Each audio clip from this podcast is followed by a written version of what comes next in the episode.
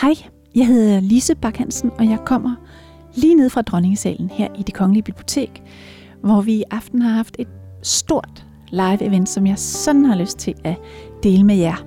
Vi har haft en aften, øh, som vi kaldte Som jeg husker det, og øh, øh, gæsten i aften var Uffe Ellemann Jensen. Han var jo udenrigsminister fra 1983 til 92, og i aften der talte han om 1989, hans yndlingsår. Og det var jo det år, hvor øh, muren faldt i Berlin, og hvor det gamle Østeuropa og det gamle Vesteuropa blev til et Europa.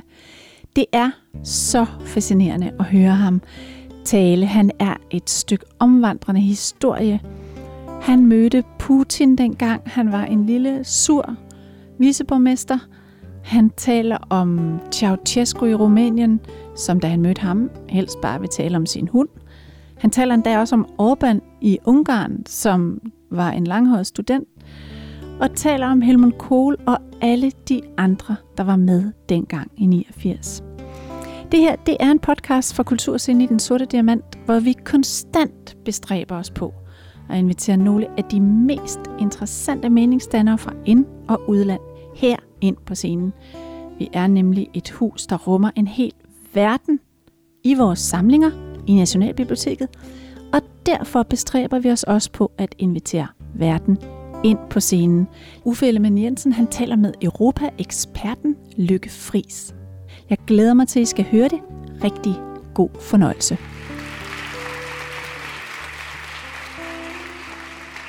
Uffe, hvad er det bedste øjeblik for dig? Det mest skyldende øjeblik, når vi ser tilbage til 1989? Jamen, der var jo flere. Der var flere. Så får du tre. Okay, tre. Ja.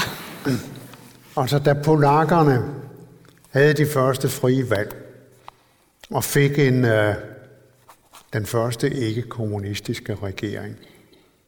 Et. Så 4. juni, hvor de har valget. Og 89. da ungarerne øh, skar stjernen af, af taget på deres parlamentsbygning, den røde stjerne, og smed den ned på fortoget, og vi var ude og lægge en krans på øh, den lille fængselskirkegård, hvor et skilt med et nummer markerede, at her var Imre Notch, helten fra opstanden i 56, begravet. Og så selvfølgelig den aften, hvor jeg fik besked fra ministeriet om, at der foregår noget ved Bornholmerstrasse, ved muren i Berlin. Det kan gå rygende galt, men hvor det ikke gik galt, der var folk væltet ind i Vestberlin. Det er de tre punkter. Fordi jeg synes, der skete så meget i det år.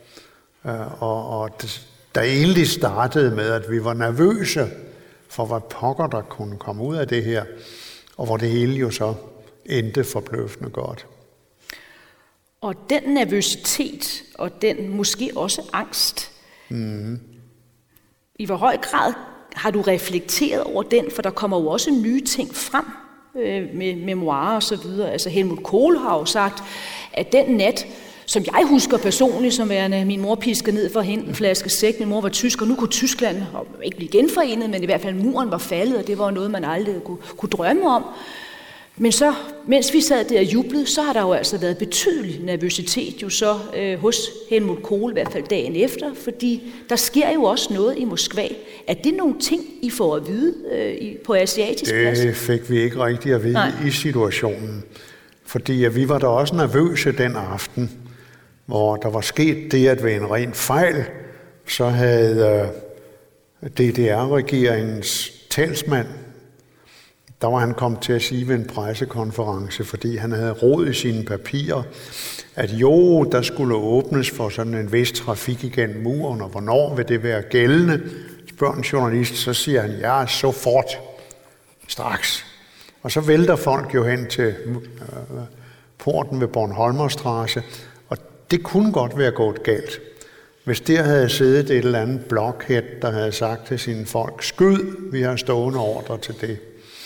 Og det vi først senere fik sådan lidt klarhed over, det var, at den øh, sovjetiske general, der sad i DDR, han ville jo have sine folk ud i kampvognene. Og der var kommet kampvogne til, som havde gummi på lavefødderne, så de kunne bruges til gadekampe i byerne. Og han havde meddelt hjem til Moskva, at folk angreb øh, deres kaserner. Og der var det, at Gorbachev så ringede til Kohl og sagde, at det er rigtigt. Og Kohl sagde, nej, det er ikke rigtigt. Og Gorbachev, han sagde så, så bliver de i deres kaserner. Altså, der var sådan et par nervepirrende punkter der. Men kan du huske, hvornår du får det at vide? Det får vi jo først at vide et stykke tid efter. Det kom sådan drøbende bagefter, men det var en stor overraskelse, at det skete der. Jeg vidste tilfældigvis, at det også var en overraskelse for tyskerne, fordi på datoen en måned før, der havde min kone og jeg været hjemme hos Genscher i Wachtberg uden for Bonn og spist middag med ham og hans kone. Så så fjernsyn der, hvor folk var gået på gaden i Leipzig ved at sende deres folk og så videre. Og på et tidspunkt siger jeg til ham, hvornår tror du, muren falder? Og han kommer med en lang forklaring om, at nu øh, er Honeckers tid forbi, så kommer den, den og den, og kommer med en blændende forklaring på, hvordan magtskiftet vil finde sted. Og så sagde han, mm, en gang tidligt efter århundredeskiftet, så vil det ske. og jeg kan huske, da vi tog hjem, så kigger Alice og jeg på hinanden og siger, det var sgu optimistisk, det der tænk. Så er der en chance for, at vi kommer til at opleve det i vores levetid. Og en måned efter, ja, der var alle de der udskiftninger sket, men det var sådan tjup, tjup, tjup, tjup. Og da det så sker, så kommer det jo altså tydeligvis, hvis vi, som en lige så stor overraskelse for vesttyskerne som for os andre. Så hørte vi jo bagefter forholdsvis hurtigt om alle de ting, man så fandt nede i de underjordiske gange under Berlin. Altså øh, sådan nogle af de mere bizarre ting. Øh, det var vejskilte med øh, øh, hollandsk øh, indskrift, hvor der står omkørsel. Og hvorfor det? Jo, fordi når nu DDR skulle rulle østpå med folkehæren, øh, så måtte de jo forudse, når de kom til Holland, så ville der blive sprængt broer og sådan noget, og så skulle de stille de der skilte op med omkørsel. Jeg skal ikke forsøge at udtale det på hollandsk. Og så lå der en Marshall-uniform med rubiner som distinktioner til Honecker. Så øh, de der ting viste sig forholdsvis hurtigt. Men hvor hurtigt det skete, det kom som en stor overraskelse, selv for de vesttyskere, der virkelig var velorienteret, skulle man tro. Ja, det galt jo så også Helmut Kohl, fordi den nat, hvor Berlinmuren falder, 9. november, der har Helmut Kohl jo så taget til Warszawa, ja, ja. fordi han har jo så i lang tid skulle tage til Warszawa, fordi ja. som du siger, der var jo det første halvfrie valg øh, den 4. juni 1989, øh, så det havde han ligesom om lovet dem, og så sidder han der og, og spiser, og så sker der jo det, du også gå ud fra et par gange oplevet som, som udenrigsminister, kommer ind og, og gør dig opmærksom på, at der er et telefonopkald, og Kohl går, går så ud og tager det telefonopkald, og der er jo så en embedsmand, der fortæller ham, at herr kansler, herr kansler, han sidder så i bånd, den er embedsmand, at muren falder nu her til aften. Har de drukket? Øh, skælder ud over, at den her embedsmand begynder at drikke, bare fordi at Kohl er taget ud at rejse øh, til, til Warszawa. Det var jo også, men det, det var jo heldigvis ikke sådan. Men sig mig engang, det her med Gorbachev, Troede du så også, at han bare ville acceptere, at den mur åbnede, blev åbnet? Eller troede du, der ville komme en eller anden form for reaktion fra hans side? Eller rent du tænkte, der kommer måske et kup øh, mod Gorbachev? Altså det, det var, var, var det jubel? Jo, det var man jo bestandig bekymret for. Ja. Men øh, jeg opfattede det, der skete, som noget uigenkaldeligt. Også da alle de der trappier begyndte at hoste. Mm øh, så ind på de øh, vesttyske motorveje. Altså, der var noget uigenkaldeligt over det. Og så kunne det da godt være, at der var nogle andre ting, der begyndte at slå bak. Og det var jo ikke alle steder, øh, at tingene var sket. Altså, der var alt det, der var sket omkring grænsen imellem øh, DDR og Ungarn, og Ungarn og Østrig, mm. hvor øh, jerntæppet jo for så vidt var gennembrudt tidligere. Jeg kan huske, da jeg var i, øh, i, øh, i Budapest, der noget, noget tidligere, det var sådan på sensommeren, der viste den ungarske udenrigsminister mig stolt nogle stykker af jerntæppet, som han havde været ude ved grænsen til Østrig og klippe igennem de der pigtrådshegn, der var. Og jeg fik et stykke af det der pigtråd, og det har jeg hængende på væggen derhjemme. Det var jerntæppet, der var faldet. Senere så blev det jo noget, de solgte, ja, sådan sat ind i fløjl, og så med en fin skive, hvorpå der stod jeg, oberst, sådan og sådan, i øh, den ungarske folkearmés ingeniørkorps bevidner hermed, at dette er en del af det originale jerntæppe, som vi har fjernet i de og de dage. Så det var en souvenir, der blev solgt på et senere tidspunkt. Øh, der var jo sket noget igen, som ikke var mere uigenkaldeligt, end at øh, DDR-regeringen så lukkede af for den der udvej til Vesten, som var. Hvor DDR-borgere de måtte rejse på ferie ved Balatonsøen, eller Balatonhavet, som de kaldte det, mm. men hvor de så benyttede lejligheden til at smutte igennem det her hul. Det fik de så lukket igen. Og det var derfor, de så øh, gik ind i øh, øh den øh, vesttyske ambassade i Prag. Og den aften, jeg beskrev før, hvor hvor vi var hos Genscher, der var han lige vendt hjem fra Prag, for der sad på det tidspunkt 5.000 østtyskere, mænd, kvinder og børn, inde på ambassaden i Prag. Og han havde været nede og besøge dem, og havde forhandlet på forhånd en aftale igennem med den øh, østtyske regering, om at de skulle få lov til at rejse til Vesttyskland. Men havde østtyskerne krævet, at det skulle ske i tog, som kørte igennem Østtyskland – Okay, sagde Genscher, hvis ikke det kan være anderledes. Men så vil jeg have mine embedsmænd siddende i de tog, for at sikre, at der ikke blev lavet fiddly food undervejs. Og øh, det fortalte han så om, da vi var der. Det var meget rørende, og han viste tegninger, som børn havde lavet af, hvordan de altså havde været bunket sammen der på ambassaden i køjesenge og, og soveposer på gulvet og alt det der. Og, og der var det jo så den der berømte scene, I kan finde den på YouTube, hvor han går ud på balkongen i ambassaden der og siger, I kan rejse til Vesttyskland. Toget starter i morgen. Mm. Og folk brøler begejstret. Og han siger, at toget skal altså igennem Østtyskland, og så blev der panik. Tæt på panik. Fordi, hvad var det? Og han siger, bare roligt. Jeg har folk ombord i de tog. I skal nok nå frem. Og det accepterede de, at de nåede frem. Jeg kan huske det første tog, der var en statssekretær, der hed Dieter Kastrup. Mm. Han var med på det tog. De kom igen. Mm. Så der skete jo en hel masse der. Og i Prag, skal man huske på, der havde vi jo endnu ikke set fløjelsrevolutionen. Der var det jo sådan, at når der blev lavet demonstrationer, så bankede politiet løs på, på folk der og flere andre lande. Der var ikke rigtig sket noget endnu. Så der manglede en hel del. De baltiske lande, de var fortsat besat. Og Gorbachev, han var, han var under pres.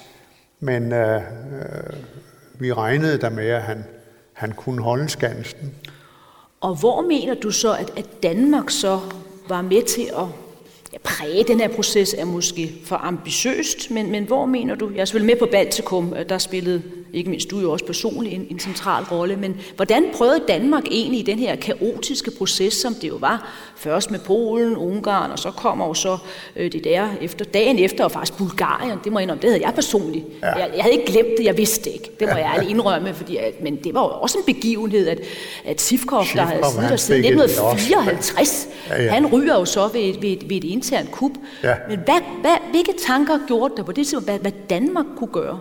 Altså det vi kunne gøre, det var at opmuntre det, der skete, og forsikre Vesttyskland om, at vi stod bag dem, og at vi stod bag ønsket om et forenet Tyskland. Og det var ikke ukompliceret. Men tænkte, vi på, tænkte du på det på et genforenet Tyskland allerede før ja, muren var faldet? Ja, selvfølgelig. Aha. Fordi det havde Genscher og jeg talt meget om. Og, og der var ikke fuldstændig enighed i Danmark om den sag. Nej, der var vist en tv-udsendelse. Jeg selv husker, jeg så Højlunds forsamlingshus, måske nogen ja, også øh, husker den øh, udsendelse, øh, hvor, hvor Paul Slytter jo siger nogle ting, som efterfølgende Helmut Schmidt der jo så var kansler før Helmut Kohl, jo så bemærker noget syrligt i sine memoarer, Menschen und Mächte, at øh, ja, det var jo ikke alle lande, heller ikke Danmark, der nødvendigvis har støttet genforening. Men så kommer der noget om en øh, vis her udenrigsminister. Ja, ja. Men hvad tænkte du, da, ja, ja, da du så den udsendelse? Jeg skyndte mig ud at sige det modsatte. Okay. Det skal man selvfølgelig normalt ikke, men øh, jeg synes, det var meget nødvendigt at få sagt det modsatte. Fru Thatcher havde også været ude med den der dumme bemærkning om, at, øh, som Slytter også kom med, at uh, han holdt så, hun holdt så meget af Tyskland, at hun kunne ikke få nok. Hun ville hellere have to Tyskland end et Tyskland. Og det var en rigtig dum bemærkning, synes jeg. Så det var med at sige det modsatte. Mm. Og det var sådan noget, som uh, tyskerne, der jo samlede støtte rundt omkring, uh, lagde vægt på og satte pris på. Øh, så gjorde vi også en del ud af øh, at holde kontakt til Polen. Hvordan? Det var sjovt nok, fordi det du fortalte om, netop at Kohl sad i Warszawa, da han fik at vide, at nu væltede muren. Jeg sad faktisk i Warszawa på besøg hos min herlige nye polske kollega, Krzysztof Skubiszewski, Scooby blandt venner. Ikke Scooby-Doo, Scooby-Doo, nej. Scooby-Doo. Men Scooby, han var sådan en herlig, fin, gammel professortype, der havde vagt furore ved FN's generalforsamling, ved at han holdt den årlige tale på fransk og ikke på russisk, sådan som det plejede at være. Scooby var en fin ældre gentleman, og Alice og jeg var på arbejdsbesøg nede hos ham, Øh, da han midt om natten, ikke under en middag, men midt om natten, ringer til mig og siger, nu fortæller vores folk i Prag, at nu har de givet sig. Der havde været nogle demonstrationer, og politiet var begyndt at banke løs på dem, men så havde regimet givet sig, havde trukket politiet tilbage, og øh, folk stod nede på Venselspladsen og ringede med deres nøgleknipper. Øh, Havel til Ratchani, Havel til Ratchani. Det er sådan en gammel skik i Prag, siges det, at hvis man ville have regimeskifte, så ringede man med små klokker. Og Havel til slottet, hvor regeringsbygningen var, Rajani, det var jo et tegn på, at nu var de trætte af det gamle regime. Og så kom Dubček og Havel på balkongen der og blev mødt af befolkningens jubel. Så det var en stor aften, og vi fulgte natten igennem, når Scooby ringede og sagde, nu skal du høre, nu er der nyt her og her og her. Så Polen var også en vigtig kontakt at have. Og, og støttede vi dem så hvordan? Altså, så, det var vel så også økonomisk, går ud fra? Eller Ja, ja, fordi altså. vi startede allerede det år øh, i Danmark, øh, det vi kaldte øh, Øststøttefonden. Og det var en øh, økonom, øh, økonomisk bistand til gennemførelse af øh, markedsøkonomi, som gav støtte til Demokratifonden, var det, og IØ-fonden. Det var de to, der støttede udvikling af demokrati og udvikling af markedsøkonomi. Og det gjaldt i begyndelsen Polen og Ungarn, og så senere kom hele dynen jo med, og to år senere kom de baltiske lande også med, for der skal vi jo helt frem til 91, før de også bliver fri igen. Men der var virkelig lagt op til, at vi skulle gå ind og yde både en økonomisk og en øh, politisk støtte til de reformbestræbelser, der var i gang. Og kunne vi have gjort mere, når du ser tilbage på det? Er der ting, du fortryder, vi ikke gjorde? Jeg mener, vi gjorde rimelig meget set i en international sammenhæng også. Og når vi kommer lidt længere frem i tiden med Sovjetunionens sammenbrud, der er det jo sådan Balsk. lidt en myte, som Putin kører med i dag, at øh, Vesten udnyttede deres svaghed, og vi ydmygede dem osv. Det passer simpelthen ikke. Der blev gjort en, en stor indsats, som Danmark også var med i, for at understøtte dem på både økonomisk og politisk i den ganske besværlige situation, de var i, der hvor de skulle trække tropper hjem fra øh, øh, Ungarn, Østtyskland og så videre, senere de baltiske lande. vi gjorde for eksempel det, at vi byggede et par landsbyer op ved Ladogasøen, øh, sådan inspireret af det gamle Rom. Når legionerne blev trukket hjem, så skulle de dyrke korn og blive fredelige bønder. Øh, der byggede vi et par landsbyer, hvor officerer fra den røde her øh, skulle blive bønder. De blev så dygtige til at dyrke øh, kål, at øh, toget til Arkhangelsk stoppede, så folk kunne hoppe ud og stjæle de kål. Så øh, de satte vagter på. Det var jo gamle officerer trods alt. Det var et virkelig godt initiativ. Og der blev lavet en Ruslandsgruppe, der tog fat i mange af de elendige, nedslidte bygninger med flade tage, mm. for at hjælpe dem til at blive moderniseret. Og det var virksomheder som, uh, som Grundfos og Danfoss og Velux og så videre. Bygge en ekstra etage på, modernisere det, sætte ordentlige vinduer i og, og så videre. Så vi gjorde ganske meget rent praktisk og reklamerede for det ved en stor konference, der var i Washington, om hvordan man kunne bistå Sovjetunionen med at komme hjem. Jeg sagde, kunne I ikke alle sammen bygge et par landsbyer rundt omkring? Fordi øh, hvis vi alle sammen gør det, så er det jo virkelig noget, der batter. Desværre var vi de eneste, der gjorde det. Jeg kan huske nogle år senere, da de der landsbyer blev overdraget mm. øh, til dem, der under vejledning af nogle danske bønder havde fået det der opbygget til også noget, der det kræver en vis disciplin at køre sådan en bundegård. Det var en fantastisk fest. Og der var nogle af dem, der blev så fulde, at de altså måtte springe i Ladogasøen for at blive ædru igen. Det var en stor oplevelse. Men nu nævnte du jo lige øh, Putin. Ja. Ja, det nu tager samtalen en helt anden drejning. Nej, bare roligt. Men det viser jo også noget om, hvordan historien er en kampplads. Ja. Altså noget af det, som jo han jo virkelig også har prøvet på, det er jo netop, som du indikerer der, at, at huske historien på en anden måde, fordi jo. det er jo naturligvis også politik. Men hvad der virkelig også har, synes jeg, har givet mig stof til eftertanke, det var for eksempel, da jeg var i Polen her i starten af året, hvor jeg også talte med, det, med Lech Valensas, øh, den daværende store frihedshelt, det er han selvfølgelig stadigvæk, øh, fra Solidaritetsbevægelsens talsmand. Og han forklarede mig, og et udtryk, kom med et udtryk, jeg i hvert fald aldrig nogensinde vil glemme, det var, at hvor man jo godt kunne tro, at det her med, at øh, kommunismen jo, det, det måtte jo gå på den måde. Så forklarer netop den her episode, du også beskriver lidt med hensyn til valget i Polen, hvor der jo så er det første frie valg. De vinder jo den her jordskred sig af solidaritet.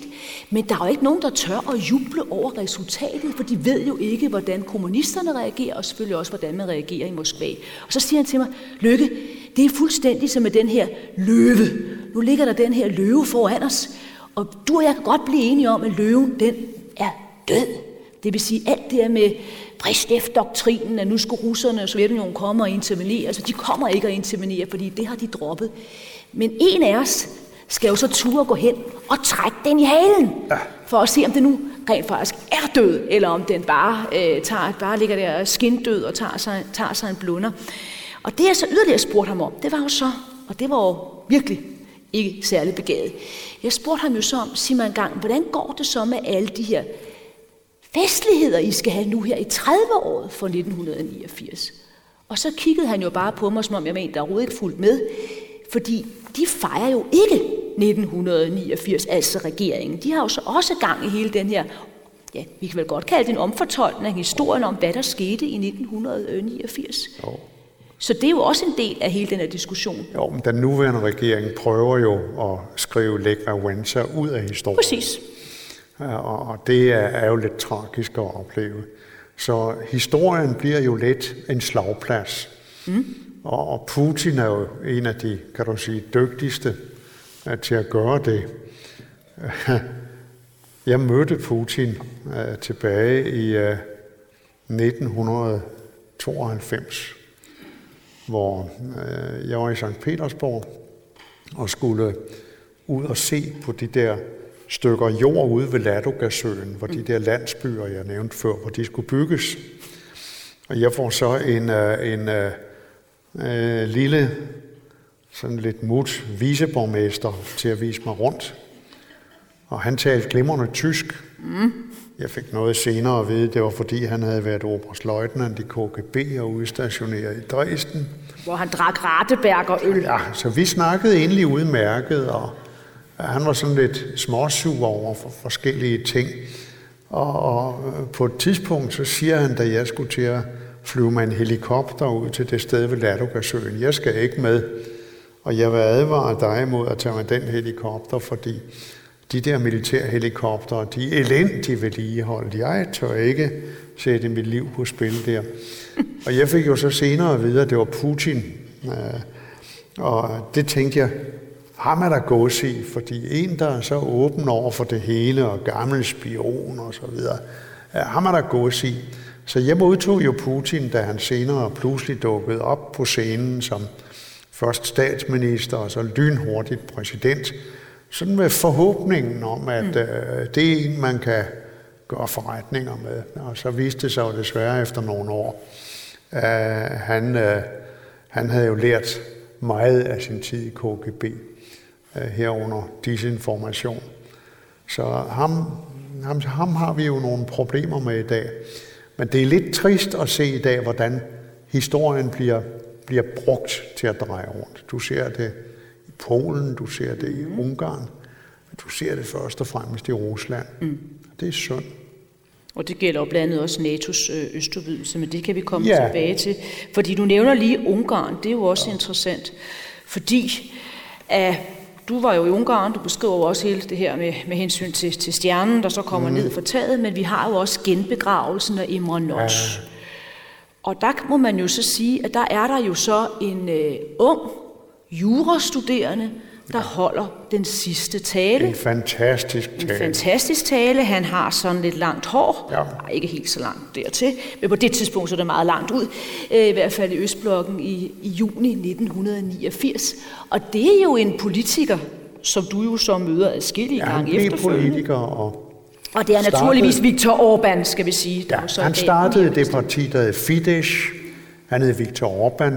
Han fik et stipendium til at læse i England et stipendium finansieret af ingen ringere end George Soros, som han jo i dag forfølger på det groveste med antisemitiske plakater og alt muligt. Men øh, i midten af 90'erne, der var det her Fidesz-parti.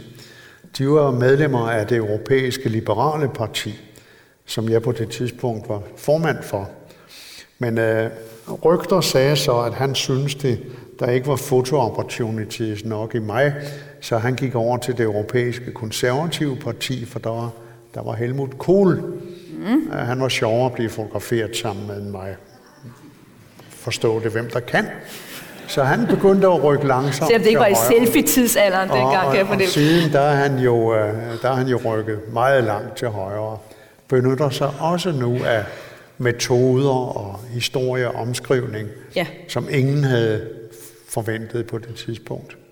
Og få lov til det, har fået lov til det efter min mening, øh, der har vi her et af de store svigt i EU, at EU ikke fra starten har sagt til ham, kammerat, du øh, har accepteret, at hvis I bliver medlem, øh, så lever I op til de såkaldte Københavnskriterier om, hvordan en demokratisk, liberal, vestlig stat skal fungere. Og hvis ikke I kan leve op til det, hvis I undergraver pressefrihed, retsstaten øh, osv., så smækker vi kassen i. Det gjorde man ikke. Han fik lov at fortsætte. Og i dag har den nuværende polske regering jo lært lidt for meget af ham. Og, og, og da et effektiv indgriben kræver, at alle de andre er enige om det, så er der jo nu pludselig to, og samtidig leger tjekkerne lidt med ilden, alt efter hvem der nu er politisk leder i Tjekkiet. Så øh, der er sket noget der, som ikke burde have fået lov til at ske. Men var det noget, som du dengang kunne forestille dig? Nu taler vi ikke jubeldagen i 1989. Nej, for det var også sådan, at da de centrale og østeuropæiske lande blev optaget, der er vi jo mm. selvfølgelig helt fremme ved 2002 i hvert fald, det optagelsesforhandling blev afsluttet ud i Bella Center af New Europe is Born, står jo Anders Fogh Rasmussen og siger, der har vi jo ikke en EU-traktat hvor der står, at øh, hvis et land ikke overholder spillereglerne, så kan der ske noget. Jo, det havde vi for så vidt. Uh, vi havde ikke en, noget, der er sådan for alvor. Vi havde en paragraf, som blev kaldt atomparagrafen, som hed, at uh, hvis nogen ikke levede op til det, og hvis alle de andre var enige om det, så kunne man fratage et land stemmeretten. Mm. Men det var Men, så stærk en sanktion, præcis. at uh, den tøvede man med at tage i anvendelse. Og på et tidspunkt var det jo for sent, og så gik det i skred. Og det, det, det er nok en svaghed med konstruktionen, men det havde jo ingen, jeg havde i hvert fald ikke, forestillet sig dengang i 89 til 91, hvor euforien jo havde taget over. Og hvor vi tænkte, at fra nu af, der kan det kun gå fremad, og det er jo vidunderligt det her. Okay, der var de der udstående punkter med de baltiske lande, og der skulle vi jo lidt grimt igennem, før øh, de nåede at komme med på listen. Øh, men, men øh, alle dem, der var nået at hoppe med i 89, de var reddet i min optik.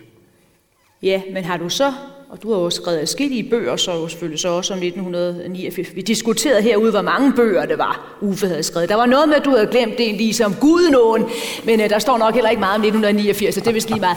Uh, men, men den sidste, du skriver, Seneste. Seneste, pardon, ja, selvfølgelig, selvfølgelig, selvfølgelig, pardon, pardon, pardon, ja, absolut, absolut, I stand corrected, I stand corrected. Jamen, der har du selvfølgelig en helt anden viden, end da du skriver nogle af de første. Ja.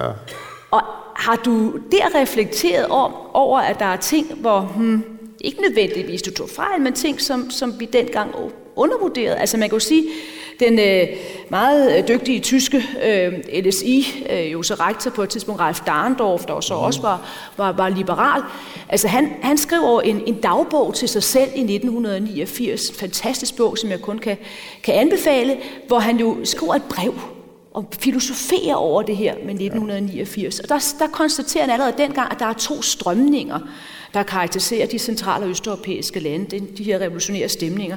Det ene er, at de skal tilbage til Europa, return to Europe. Mm. Og den anden er return to ourselves, som han så skriver i den engelske udgave. De skal vende tilbage til dem selv, altså også have mulighed for, efter alle de her år, hvor de jo så ikke har haft chance for så også at dyrke deres nationale identitet og have mulighed Var det noget, vi undervurderede?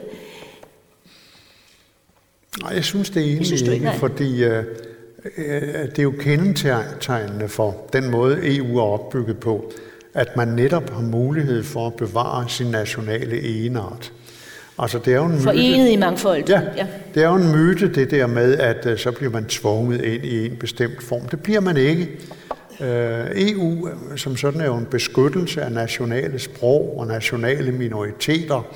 Det var jo også en vigtig pointe i de der Københavnskriterier, der henviste til de regelsæt, vi havde nået frem til under øh, hele Helsingforsprocessen. Øh, Øh, specielt det, den der konference, der jo rundede det hele af, som fandt sted i København i 1990. Øh, konferencen om den menneskelige dimension, som handlede om individets rettigheder, mindretallenes rettigheder, alle de ting. Jamen, det lå sådan set rimelig klart. Så øh, jeg nærede ingen bekymring for, at et EU-medlemskab øh, skulle tage noget af det fra dem. Der, hvor jeg havde en bekymring, det var, at nogen var allerede begyndt at tale om, at det ville blive for besværligt, og det ville blive for dyrt at lave de der udvidelser. Udvidelsestræthed. Ja, uha. Det ville... Absorptionskapaciteten ja, var det udtryk, Senere så blev det jo netop udvidelsestræthed. Men øh, der var nogen, der talte om, at man skulle lave sådan nogle særlige associeringsaftaler. Det var der, hvor Lech Wałęsa kom med de forjættede ord, hvor han sagde, øh, nu har vi lige øh, skilt os af med et jerntæppe, skal vi så acceptere et sølvtæppe i stedet for? Og det var meget godt sagt, fordi øh, det ville være ødelæggende for hele den raison d'être, der var bagved europæisk integration, hvis man havde sagt, der er altså nogen, der er mere lige end andre og det er for besværligt at tage dem der med. Så derfor gjorde man den der herkuliske indsats op igennem 90'erne og begyndelsen af, af nålerne, hvor man altså fik skabt forudsætningen for udvidelsen af EU.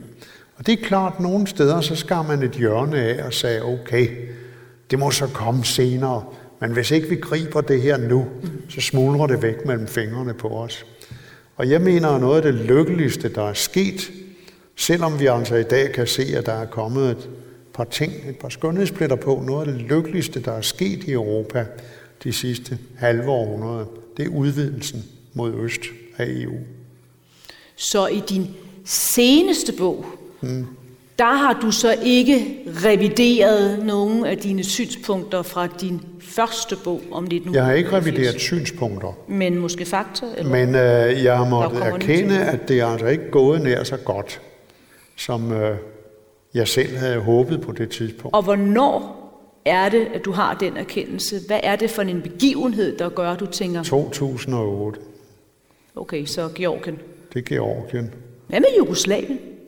Jamen, Jugoslavien var jo en ulyksalig krig, som øh, blev ordnet sådan der, derved, at der blev lidt sent grebet ind militært. Og, og øh, det blev der jo gjort øh, efter en svag start. Og Europas time, husker jeg, der var en, der sagde. Uh, uh, Fra ja. Luxembourg. Det var, Din luxemburgske kollega, jeg husker, det, var, det var min forgænger som uh, formand for ministerrådet. Og jeg kan huske, da jeg så i, i januar 93 drager rundt i Jugoslavien, eller eks-Jugoslavien, som uh, rådsformand, og blandt andet skulle have et møde med Milosevic, der havde jeg den der klingende i ørerne med, dette er Europas time, my foot. Jeg øvede mig foran spejlet på hotellet i Belgrad på ikke at smile, for jeg ville ikke smile, når jeg skulle være sammen med den skiderik til Milosevic, undskyld mit franske. Så jeg stod og øvede mig i ikke at smile. Ah, det lykkedes vel, kan jeg Det lykkedes. Ja, ja, okay, ja. Det lykkedes. Så der i 2008, det er der, det er der, hvor du man kan se, at første øh, gang tænker, hmm. i virkeligheden, der havde været en tale ved det der værkunde i uh, München ja. af Putin, hvor han var begyndt at, at, at trække tilbage i forhold til alle de aftaler, der var lavet imellem øst og vest. Men ord er ord i den forbindelse. Men da så han pludselig ruller ind i Georgien, og jo der laver det første nummer med at flytte grænser med militærmagt, for det gjorde han jo da Abkhazien og Sydossetien reelt bliver skåret bort fra Georgien, der var det jo alarmerende. Og alarmerende var også den reaktion, som flere af de store europæiske lande havde. Blandt andet Frankrig, der forholdsvis hurtigt efter begyndte at forhandle med øh, Putin om øh, salg af helikopterhangarskibe af Mistral-klassen til øh, Sovjetunionen og hvor den sovjetiske sortehavsadmiral var ude og sige, åh, havde vi bare haft de skibe, da vi skulle nakke georgierne, så havde det taget et døgn i stedet for det meste af en uge. Men uh, franskmændene kørte videre, og de, de lå faktisk klar, da så pludselig russerne var dumme nok til at rykke ind i, uh, uh, i Ukraine og Krim, og så måtte franskmændene stoppe den handel der. Jeg tror, de skibe endte i Ægypten, finansieret af Saudi-Arabien. så kom det den vej rundt. Men din analyse så i den seneste bog af, hvorfor alle de her ting sker i 89, ændrer den sig? Nej. Altså man kan jo godt se, at, at der jo så med tiden kommer der jo også mere frem, hvor mange tilfældigheder der var. Du nævnte jo selv Harald Jäger, grænsevagten som en af dem. Man kan jo også nævne den store tilfældighed i Leipzig, som du beskriver, den store demonstration. De skal rundt på den her ringvej, og så er det jo sådan, at de har egentlig besluttet sig for, at der skal være en kinesisk løsning, så der skal altså skydes mod øh, demonstranterne. Men så viser det sig ham, der egentlig normalt skal have vagten. Ja, han er der så ikke. Så har vi Helmut Hackenberg i stedet for, som ikke er en, der vil hakke nogen ned umiddelbart. Og han laver så beslutningen om. Ja. Der er jo mange af de her tilfældigheder. Ja. Har du, altså, er det noget, der sådan med tiden, hvor du har tænkt, ja, det kunne vidderligt også være gået meget anderledes. Så det var ikke så meget alt det her med med, hvad ved jeg, Ronald Reagans øh, øh, oprustningspolitik, eller hvad vi skal kalde det, og Gorbachev. Hvor, hvor ser du det? Var det de systemiske faktorer, eller var det i højere grad nogle af Op igennem 80'erne, der så du jo gang på gang, at der var ting, der kunne være gået meget, meget værre, end de rent faktisk gik. Så hvornår var du allermest bange for, at det her kunne køre helt af sporet? Det var jeg nok i begyndelsen af, 83, øh, begyndelsen af 89. Altså 83, der vidste vi ikke i situationen, hvor tæt på man havde været på en virkelig katastrofe. Øh, det var der, hvor øh, Andropov var øh, leder af Sovjetunionen, og hvor han var fuldstændig paranoid og troede, at der var ved at blive forberedt et første slags angreb på Sovjetunionen, og, og hvor han satte hele alarmberedskabet op i top. Efterhånden som det dæmrede for, for os, at tæt på havde det været, der blev man noget nervøs, men så reagerede Reagan jo også på det, og så kom gudskelov Gorbachev til, hvad der jo igen var lidt sådan mm. øh, historiens tilfældigheder, at de krassede af så hurtigt, som de gjorde. De der, der var konstante begravelser det år, ja. Der var konstant begravelser, det var festlige begivenheder. Men øh, det er rigtigt, at der var ting, der kunne være gået anderledes. Men øh, efterhånden så øh, festnede der sig også den der tillid til, som voksede ind igennem øh, 89, at øh, mm, jamen, øh, det kan ikke kun være tilfældigt, mm. at det så slutter på den lykkelige måde. Der må være en eller anden underliggende drive i det her, som gør, at nu er der altså sat en udvikling i gang, som ikke kan stoppes. Og en udvikling, som er drevet frem af befolkninger, der har været holdt nede så længe, at nu finder de sig ikke mere i det. Altså, da de gik på gaden i Leipzig og råbte, vi har sendt deres folk, ikke? Og, og, og, og de andre ting, jamen, kan man holde sådan noget nede i længden? Øh, det troede jeg ikke på. Og det viste sig også at være rigtigt. Men det er rigtigt, at så kunne det være vendt. Men øh, hvis det var vendt, hvis de der kampvogne var rullet ud af de sovjetiske kaserner ja. og så videre, hvad var der så sket? Havde de fået lov til bare at, at lave en kinesisk øh, løsning, som på den himmelske fredsplads? Jeg er ikke sikker på det. Og polakkerne, ja, polakkerne var jo efterhånden bragt dertil, at øh, nu ville de ikke have det mere. Og polakkerne er jo ikke sådan at blive skære med. Mm. Nej, det må man konkludere i hvert fald. Men, men sig mig en gang lige tilbage, øh, indtil vi så spoler lidt frem, for vi har jo også nogle andre begivenheder, vi skal nå Tjekkoslovakiet, og der er jo også Rumænien.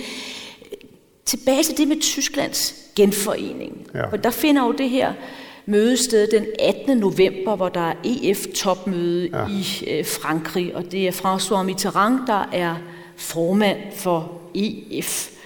Og der må du vel have været til stede, eller hvad? Fordi det var jo de gode gamle dage, hvor udenrigsministerne også var med til topmøderne. Ja, så det, det var, var godt. Det. Og det møde skulle være kørt sådan, at man kan læse forskellige memoirer jo rimelig meget af sporet, fordi at Margaret Thatcher og Mitterrand, jo, som du også indikerede før, jo helst ville have, jeg elskede Tyskland så højt, de ville have to af dem. Og jeg forstår, at Margaret Thatcher jo så simpelthen også decideret skulle have sagt til Helmut Kohl dengang, at det der med, at vi vil gik ind for genforening også i NATO, jamen det var jo kun noget, vi sagde, fordi vi ikke troede på, at det ville ja. finde sted. Så hvor den genforening, kunne den være lykkes uden amerikanerne? Nej, det kunne den ikke. Det kunne den var ikke. vi så kommet voldsomt op og skændes indbyrdes, så havde så Margaret Thatcher kom med sin ja, kort og håndtasken og men, uh, slog rundt på jer alle sammen. Ja, Altså, jeg husker en ting, jeg husker at jeg havde en samtale med Uffe, hvor jeg havde været i London, og der var den helt store nyhed, at Margaret Thatcher havde brækket armen, og så taler vi om en eller anden, tror om det udenrigspolitiske selskab, eller en eller anden, så siger jeg til Uffe, har du hørt det, at Margaret Thatcher har brækket armen? Nej, på hvem dog? Kommer det bare i den anden ende rør.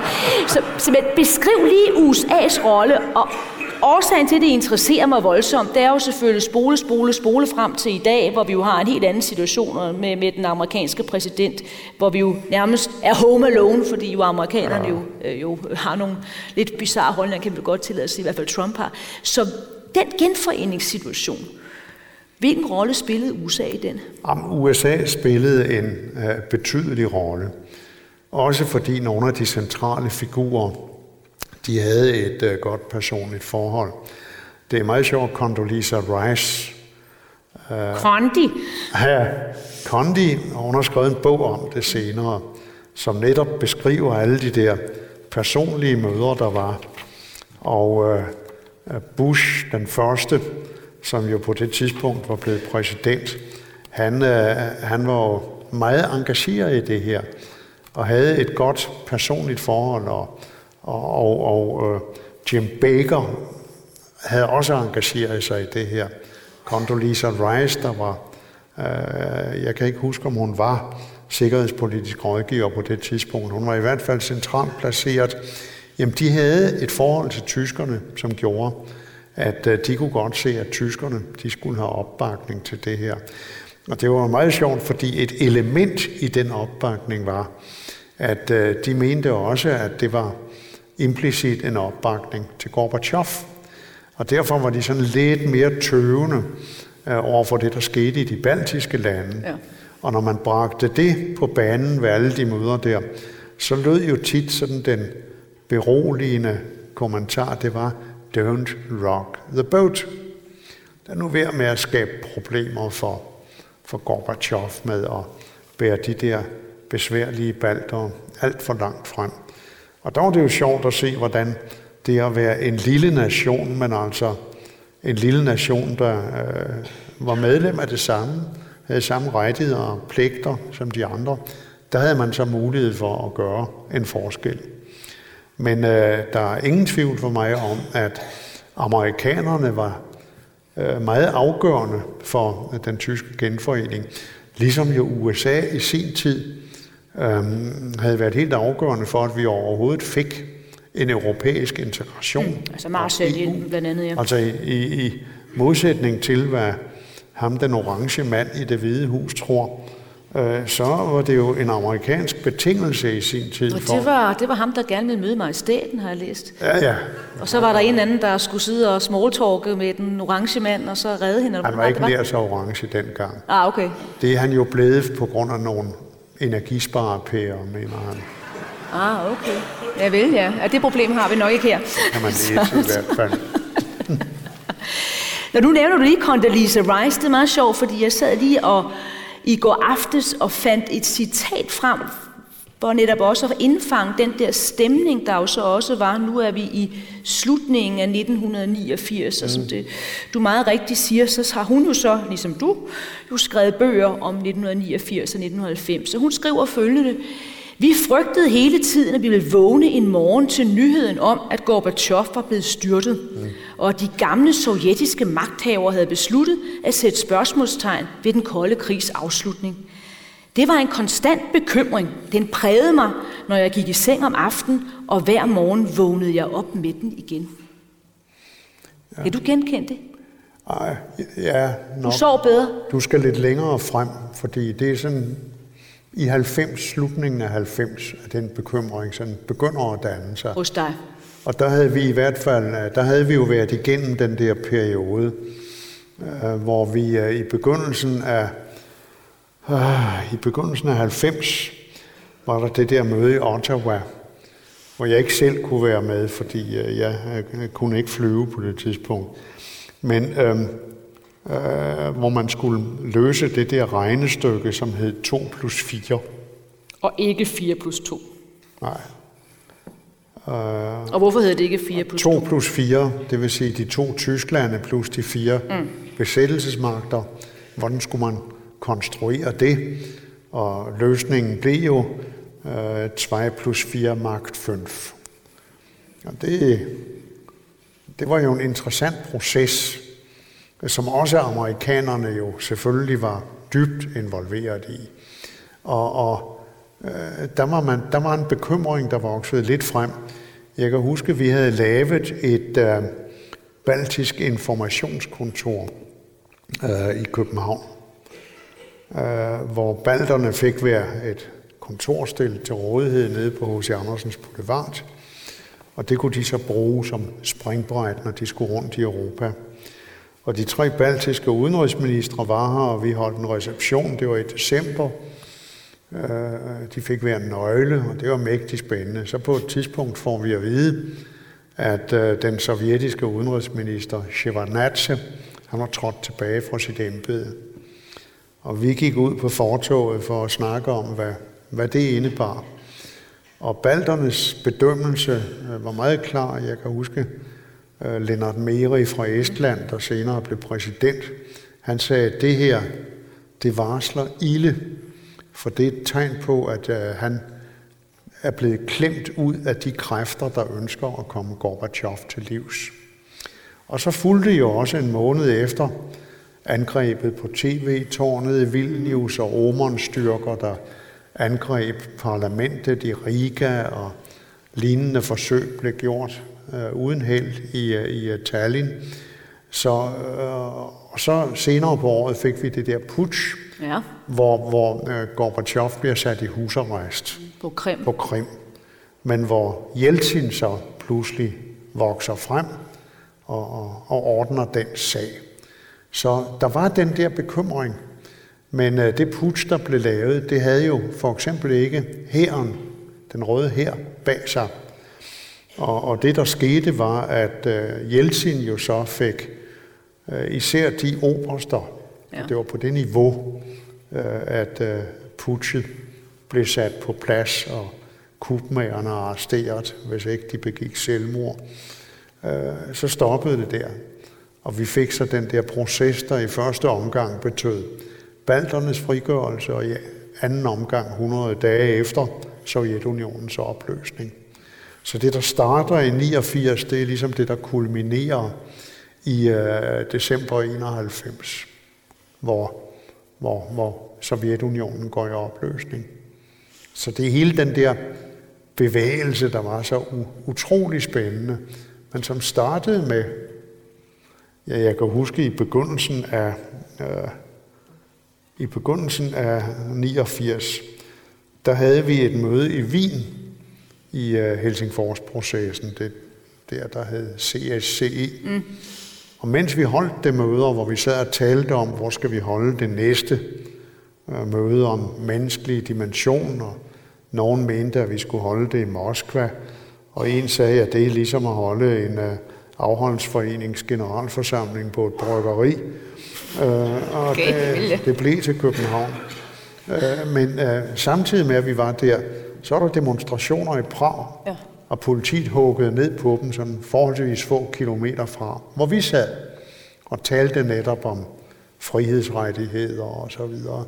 Så det var en meget usikker periode der i starten ja. af 89, og du skal helt frem til slutningen af 91, før tingene sådan er faldet rigtig på plads.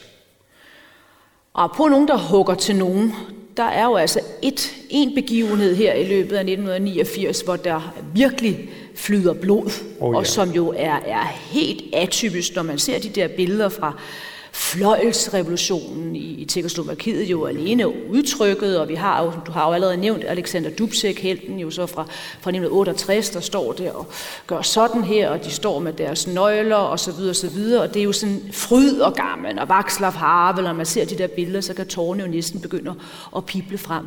Men så går der jo ikke lang tid, så har vi jo hele den, ja, den dag vil man næsten betegne som sådan en Netflix-serie, men jeg husker sådan en jul, hvor man ikke lavede andet sted til tv, og det var Rumænien, som jo pludselig mm. øh, var på, på alle slæber. Ja. Prøv lige at, at fortælle, hvordan du oplevede det. Jo, altså, Rumænien havde vi jo mange år misforstået godt. Og elefantorden, forklar lige den jo, jo. til Ceausescu. Ja, ja. Jamen, Ceausescu, han øh, øh, forsøgte at føre en linje, der var meget uafhængig fra Moskva, ligesom Tito havde jo gjort det i Jugoslavien. Og, og derfor så misforstod man i høj grad Rumænien og mente, at det var der sådan et, et delvist frit og vestligt land. God var det ej. Det var øh, stærkt undertrykt og med den der fuldstændig latterlige ledelse bestående af, af Ceausescu og hans kone. Elena. Elena. Jeg kan huske, at jeg var på besøg dernede. Øh, det har været Uh, jeg tror, det var i uh, 7 eller 88. Og der skulle jeg ind og mødes med Ceausescu. Og nu kommer noget med en hund, ikke? Ja. Ja, fortæl. Ja. jo, jo. Men jeg havde fået videre min uh, gode ven David Steele i England, der var formand for Liberal International, der også havde misforstået de der rumænere. Øh, kan du ikke spørge ham, øh, hvordan hunden har det? Hunden? Jo, han havde foræret ham en uh, labrador, og han vil gerne høre, om den havde det godt. Skal jeg nok. Og jeg går ind og går op gennem en lang sal, og der sidder... Der sidder og den gigantiske bygning, de jo så har, ja. Nej, det var ikke Nå, ikke der. endnu. Nå, ikke nu. Og den var ikke færdig, Nå. den der groteske bygning. Men han sad for enden der i sådan en tronstol, og så ikke særlig vaks eller begavet ud. Det var ikke vakse Vigo. Og der var sådan en lavere stol, som jeg blev sat i. Ja, han var jo ikke særlig høj. Nej, tror jeg ikke. Så begyndte han at læse op af et papir. Jeg sad og nikkede af flere årsager. Øh, og jeg fik også sagt, hvad jeg skulle sige. Og så fik jeg sagt det der, jeg skal ind fra David Steele. Øh, så vågnede han lidt op. Og David Steele spørger, hvordan har hunden det? Ah, siger han. Og så vågner han op, så klapper han i hænderne. Og nede i den anden ende af salen, der bliver der lukket en dør op. Og en stor savlende labrador kommer ind og galop, galop, galop op igennem hele salen og lægge poterne på den der. Det var godt, du ikke var Angela Merkel, det var Putins labradorhund. Ja, ja. det var flere år siden. Ja. Ej, det var tydeligt. Og der fik jeg lidt til overs for manden, fordi uh, han kunne tydeligvis godt lide den ja, varper der. Ja, det var en Så jeg skulle indstille et stil og sige, at den havde det godt. Det så det også ud til. Men så skete der jo det uh, i uh, december 89, efter alle de andre regimer var faldet. Der begyndte hans lidt modbydelige sikkerhedspoliti, Securitate, de begyndte at slå ned på folk, og der var hele den der Timisoara-affære, øh, øh, som nok blev lidt overdrevet i vestlige medier. 17. november, ja. ja. Og det viste sig senere, at nogle af de billeder, der blev vist af mishandlede lig, jamen det var... Fake news? Det var fake news i høj grad. Men i hvert fald Securitate slog til. Og så gjorde folk oprør, øh, efter at øh, Ceausescu havde forsøgt at flygte fra sit øh, palads, som nu var bygget færdig.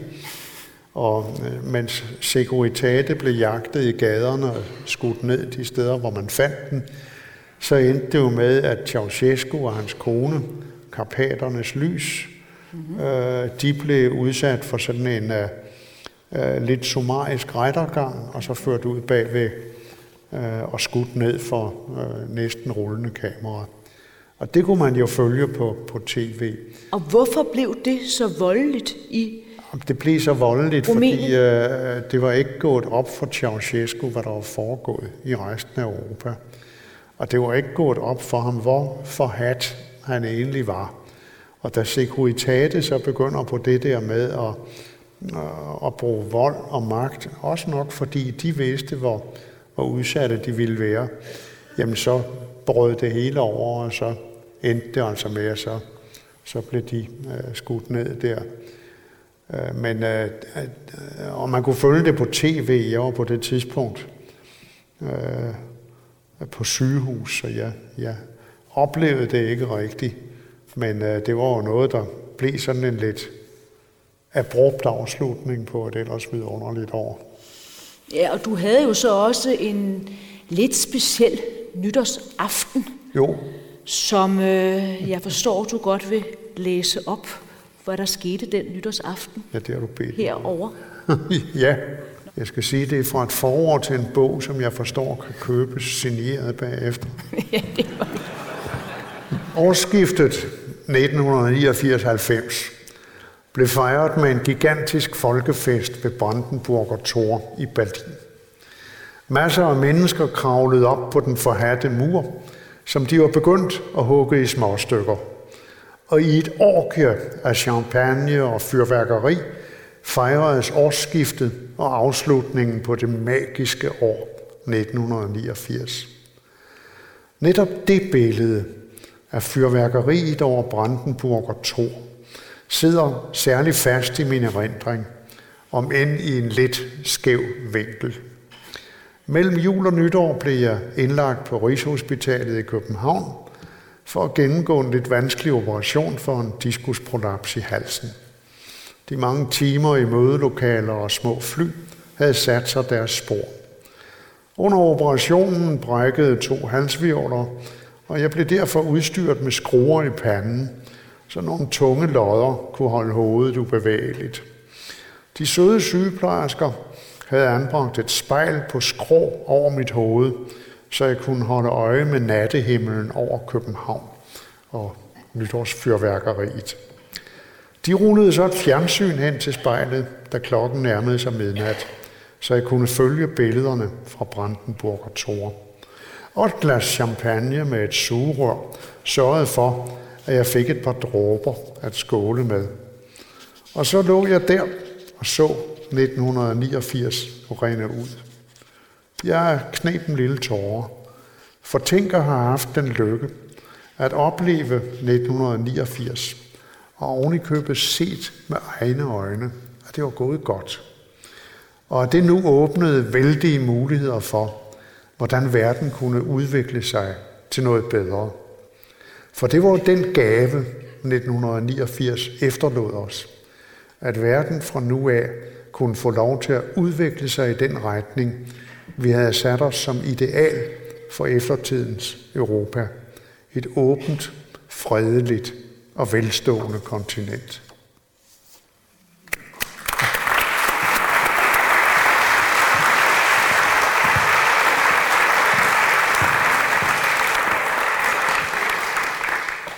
Og hvornår kom du så ud af det hospital?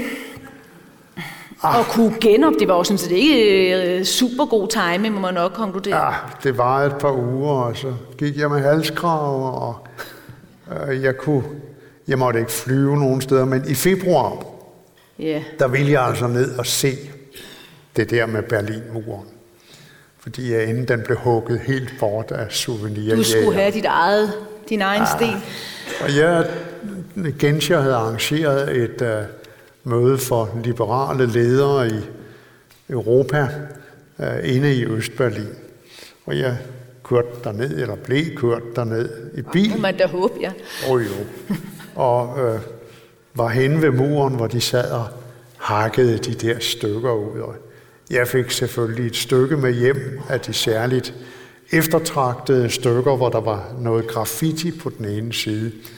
Og jeg tog et stykke med hjem til dronningen, som fik det under den der ugenlige referat, det der ugenlige referat, jeg som udenrigsminister havde, og hun brugte det vist i lang tid som brevpresser på bordet. Men der oplevede jeg det, der skete, det var folk stod og bankede løs på muren, og det var, det var helt fantastisk. Og den stemning, man oplevede. I det hele taget, så var I de år derefter, der var Østberlin jo et voldsomt spændende sted at komme. Er det for så vidt stadig? Ja, det skulle jeg til at sige. Ja. Sådan set på mange måder der, hvor der virkelig også stadig sker mange spændende ting. Ja. Men der er jo selvfølgelig ting, vi ikke har noget at vende endnu, det skal vi jo nå. Altså, den himmelske fredsplads og ja. Beijing. Hvad lavede du den aften? Fordi det er jo også historien om 1980. Det er også historier. Det kan jeg ærligt talt ikke huske. Interessant. Altså, og, jeg, jeg, jeg, har noget, du ikke kan huske? Hvis jeg påstod, at jeg kan huske det, så er det fordi, jeg øh, har slået det op bagefter, og det vil være snød. Jeg kan ikke huske det. Jeg var et eller andet sted hen og rejse, og vi ser så de der ikoniske billeder af den student, der står foran kampvognen. Tankmanden, ja. Øh, men øh, det gjorde jo også, at Kina opgav vi på en eller anden måde derefter, fordi nu havde Kina spillet ud, og Kina fyldte jo på det tidspunkt slet ikke det samme i bevidstheden som senere. At der var sådan en stemning af, det var sgu da også ærgerligt, og vi havde egentlig troet, at ham der Deng Xiaoping, han var lidt smart, og, og, og hvad pokker skulle det til for? Mm. Så det, øh, det gjorde jo, at i nogle år, øh, der var Kina sådan lagt, lagt, lagt lidt på, på hylden. Så det er ikke en begivenhed, du husker som en, der var afgørende i 1989, da det sker? Nej, fordi øh, det var nogle forhåbninger, der, der bræstede, og hvor man sagde til sig selv, okay, så endte det altså sådan, og øh, det kommer til at tage lang tid det her. Men det var som om øh, i Kina, øh, som jo dels lå noget længere væk øh, dengang, øh, og der ikke var de samme forbindelser, øh, jamen, der havde vi ikke haft de samme forventninger, som vi havde haft her i Østeuropa, hvor der sådan op igennem 89 var bygget de forventninger frem, som især jo udviklingen i Polen, men også meget af det andet var med til at nære. Så derfor så fyldte Kina slet ikke det samme i, i opmærksomheden. Og i din næste bog, når du så skal skrive om 1989, og skal reflektere over de to B'er, Berlin og Beijing, hvad kommer så til at fylde mest, når vi ser på den historiske betydning? Du tænker ikke på, hvad der betyder mest for dig personligt, men for den øh, verden, der jo så jo selvfølgelig er ved at udvikle sig for vores øjne. Det er jo blevet en diskussion her i ja, ja. jubilæumsåret. Jamen det er det blevet, men øh, jeg vil nu stadig sige Berlin. Jeg vil stadig sige Berlin, fordi øh, øh, det var der, vi fik øh, de kolossale muligheder, der ligger i øh, at have et samlet Europa. Og som nu, hvor vi ser øh, den der stigende polarisering med Beijing og USA og Moskva og så videre, jamen tænk på de muligheder, øh, det jo også giver os i Europa, hvis ellers vi kan holde sammen om øh, de europæiske værdier, og sådan noget som øh, den konstruktion, der jo aldrig blev fuldendt, det indre marked, øh, øh det giver os jo nogle vældige muligheder for at komme til at spille en rolle, øh, øh hvis vi kan klare indre udfordringer. Der er Brexit, som desværre ikke tegner for godt. Der er de problemer, vi har været inde på omkring Ungarn og, og Polen. Men stadigvæk, på trods af Brexit, som jo virkelig filer en stor luns ud af, af, af Europa, ikke? på trods af det, så står der tilbage et Europa med så kolossale muligheder, mange af dem uudnyttede, at øh, jeg mener stadig, at det, at vi fik, øh, øh, vi fik et samlet Europa, det er det, der vil fylde mest i min bevidsthed. Um, man skal også lige huske på, at i de år, hvor vi havde den internationale finanskrise, og hvor lokomotiverne gik i stå rundt omkring, der var et, der dampede videre, det var knæ med Polen. Polen, som man jo ikke havde forventet det af, og hvor der blev sagt dårlige vidtigheder om den polske håndværker, mm. som man jo skriger efter i dag, men der er rigeligt at lave hjemme i Polen. Polen øh, var på et tidspunkt... Der var også den polske sygeplejerske. Der, ja, der var den polske sygeplejerske, men det var mest lavet som en vidighed for at drille franskmændene. men øh, Polen, det er, jo, det er jo virkelig imponerende. Jeg synes, altså jeg har en svaghed for Polen. Jeg har rejst der meget under øh, de virkelig sorte år øh, under, under den kolde krig, som øh, student og journalist og, og så videre. Der var der også en polsk ven, du havde som barn, var der ikke? Der var noget med en bamse, ja, kan jeg svagt huske for en af dine bøger. Der var øh, en, en, en polsk dreng, der var lige efter krigen kommet på min morfars gård for at blive fedet op. Stefan, han var et par år ældre end mig, og han var min held. Øh, og, og da han rejste hjem til Polen, og jeg hørte aldrig fra ham igen, øh, der fik jeg hans spejderbog, så når han var katolsk spejder, så kan man regne ud, hvad der er sket med familien der jo. Men så, så gik Polen jo i skjul af, af det jerntæppe, de var tvunget ind under. Man tænker sig et, et land, der jo igennem nyere historie, og der tænker jeg specielt fra midten af 1700-tallet, øh, med den tredje øh, polske deling, hvor Polen bliver revet i stykker og delt imellem Preussen, Rusland og Østrig, Ungarn. Ja, jamen, jamen, øh, Polen eksisterede ikke som selvstændig stat før igen i 1920. Øh, og så fik de lov at være selvstændige indtil øh, Rusland og Nazi-Tyskland deler det imellem sig med øh, pakten. Og derefter bliver de tvunget ind i Østblokken. Jamen tænke sig en historie, så er jeg villig til at tilgive polakkerne meget, når de er besværlige en gang imellem. Men tænk, hvad de så har været af inspiration for resten af Europa. Uh, inspiration på et land, der altså med den der grumme, grumme historie, så alligevel har har haft den kraft, at nationen overlever, folket overlever. og som der står i deres nationalsang, noch ist Polen nicht, verloren. Det er godt, vi ikke begynder at synge. Det står Du dog kan nok på synge end jeg polsk, kan. men jeg kan, kan det ikke. Ja, og det siger jo også noget om, altså hvor... Altså, for det er jo en meget kort... Der er jo ikke gået så mange år siden det, du fortæller. Noget af det, jeg husker bedst fra Lech Valences besøg i forrige uge, var det vel også, hvor han jo så var i København, og vi også havde fornøjelsen af at, at, at tale med ham, jo selvfølgelig igennem, igennem tolk, men det, hvor han fortæller om faren. Faren, der dør under 2. verdenskrig, og så fortæller han jo så, at hvis faren levede i dag, og han fik at vide, at der ikke stod nogen tropper ved den polsk-tyske grænse, så vil han jo dø umiddelbart af et hjertetilfælde.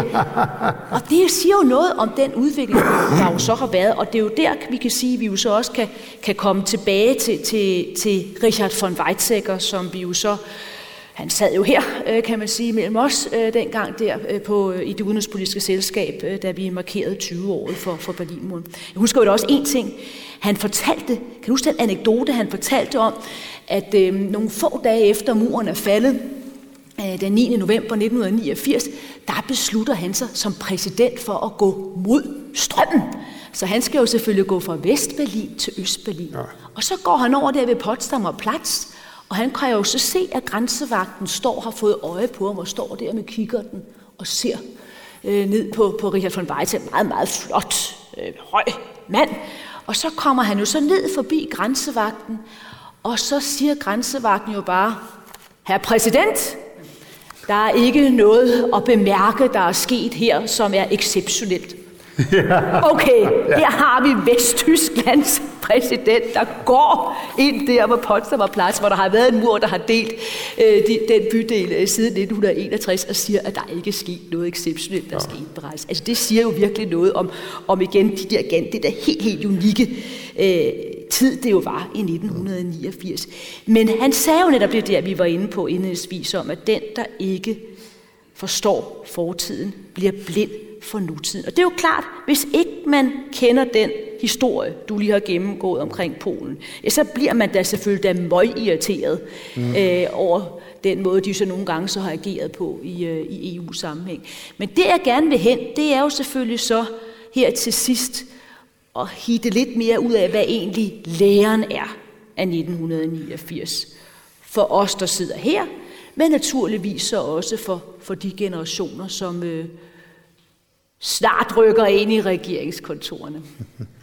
Ingen nævnt, ingen glemt. Jeg mener, der er den vigtige lære, at øh, vi skal huske på, hvor hurtigt tingene kan ændre sig. Og når de kan ændre sig den ene vej, så kan de jo nok også ændre sig den anden vej.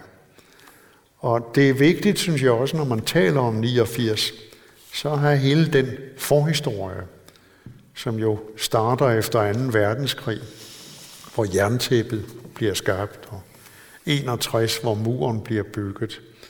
Altså vi skal have hele forhistorien med, fordi øh, mange, der ikke selv har oplevet det, eller har studeret det, vil jo have svært ved at forstå, hvad det var for en undertrykkelse, der var i de lande.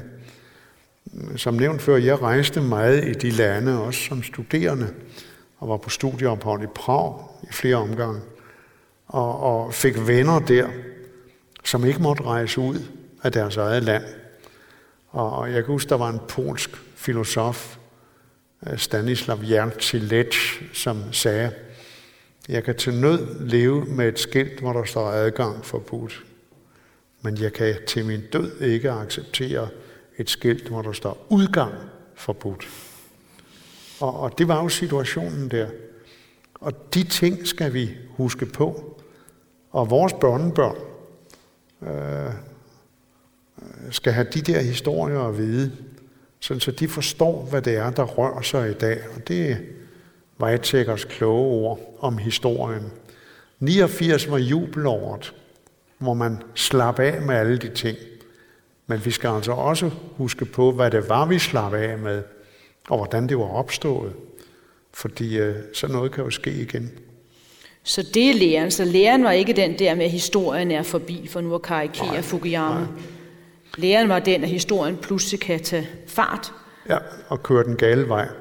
Ja, fordi det synes jeg personen, når man sidder og læser de der ting igennem, og også skriver om det selv, egentlig kan jeg bedre lide, hvis det havde været sådan, at der havde været, det havde sådan en strategi. Mm-hmm. Fordi så var det planlagt. Fordi når det er mange af nogle af de der tilfældigheder, så kunne det jo også være gået ravhusende galt. Jo, det kunne det. Det kunne det. Og det der med historien er forbi, det var jo en, ja, det var kan du sige, en, en fejlfortolkning mm. af, hvad Fukuyama mente med titlen på den mm. bog.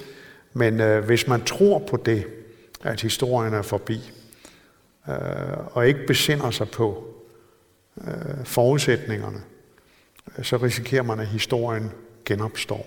Mm. Historien er ikke død. Historien kan genopstå i al sin gro.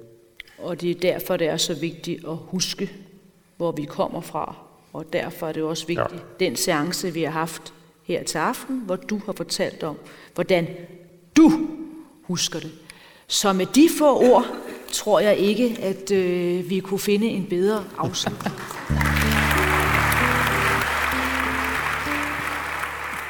Du har lyttet til en podcast fra det Kongelige Bibliotek. Husk, at du kan abonnere på podcasten i din foretrukne podcast-app. Hvis du kunne lide, hvad du hørte, så del det gerne med andre, der også kunne være interesserede. Hvis du har kommentarer til podcasten, så find Den Sorte Diamant på Facebook, hvor du også kan holde dig orienteret om kommende arrangementer i Diamanten. Podcasten er produceret af Kulturafdelingen på det Kongelige Bibliotek, og musikken er af Søren Jacobsen.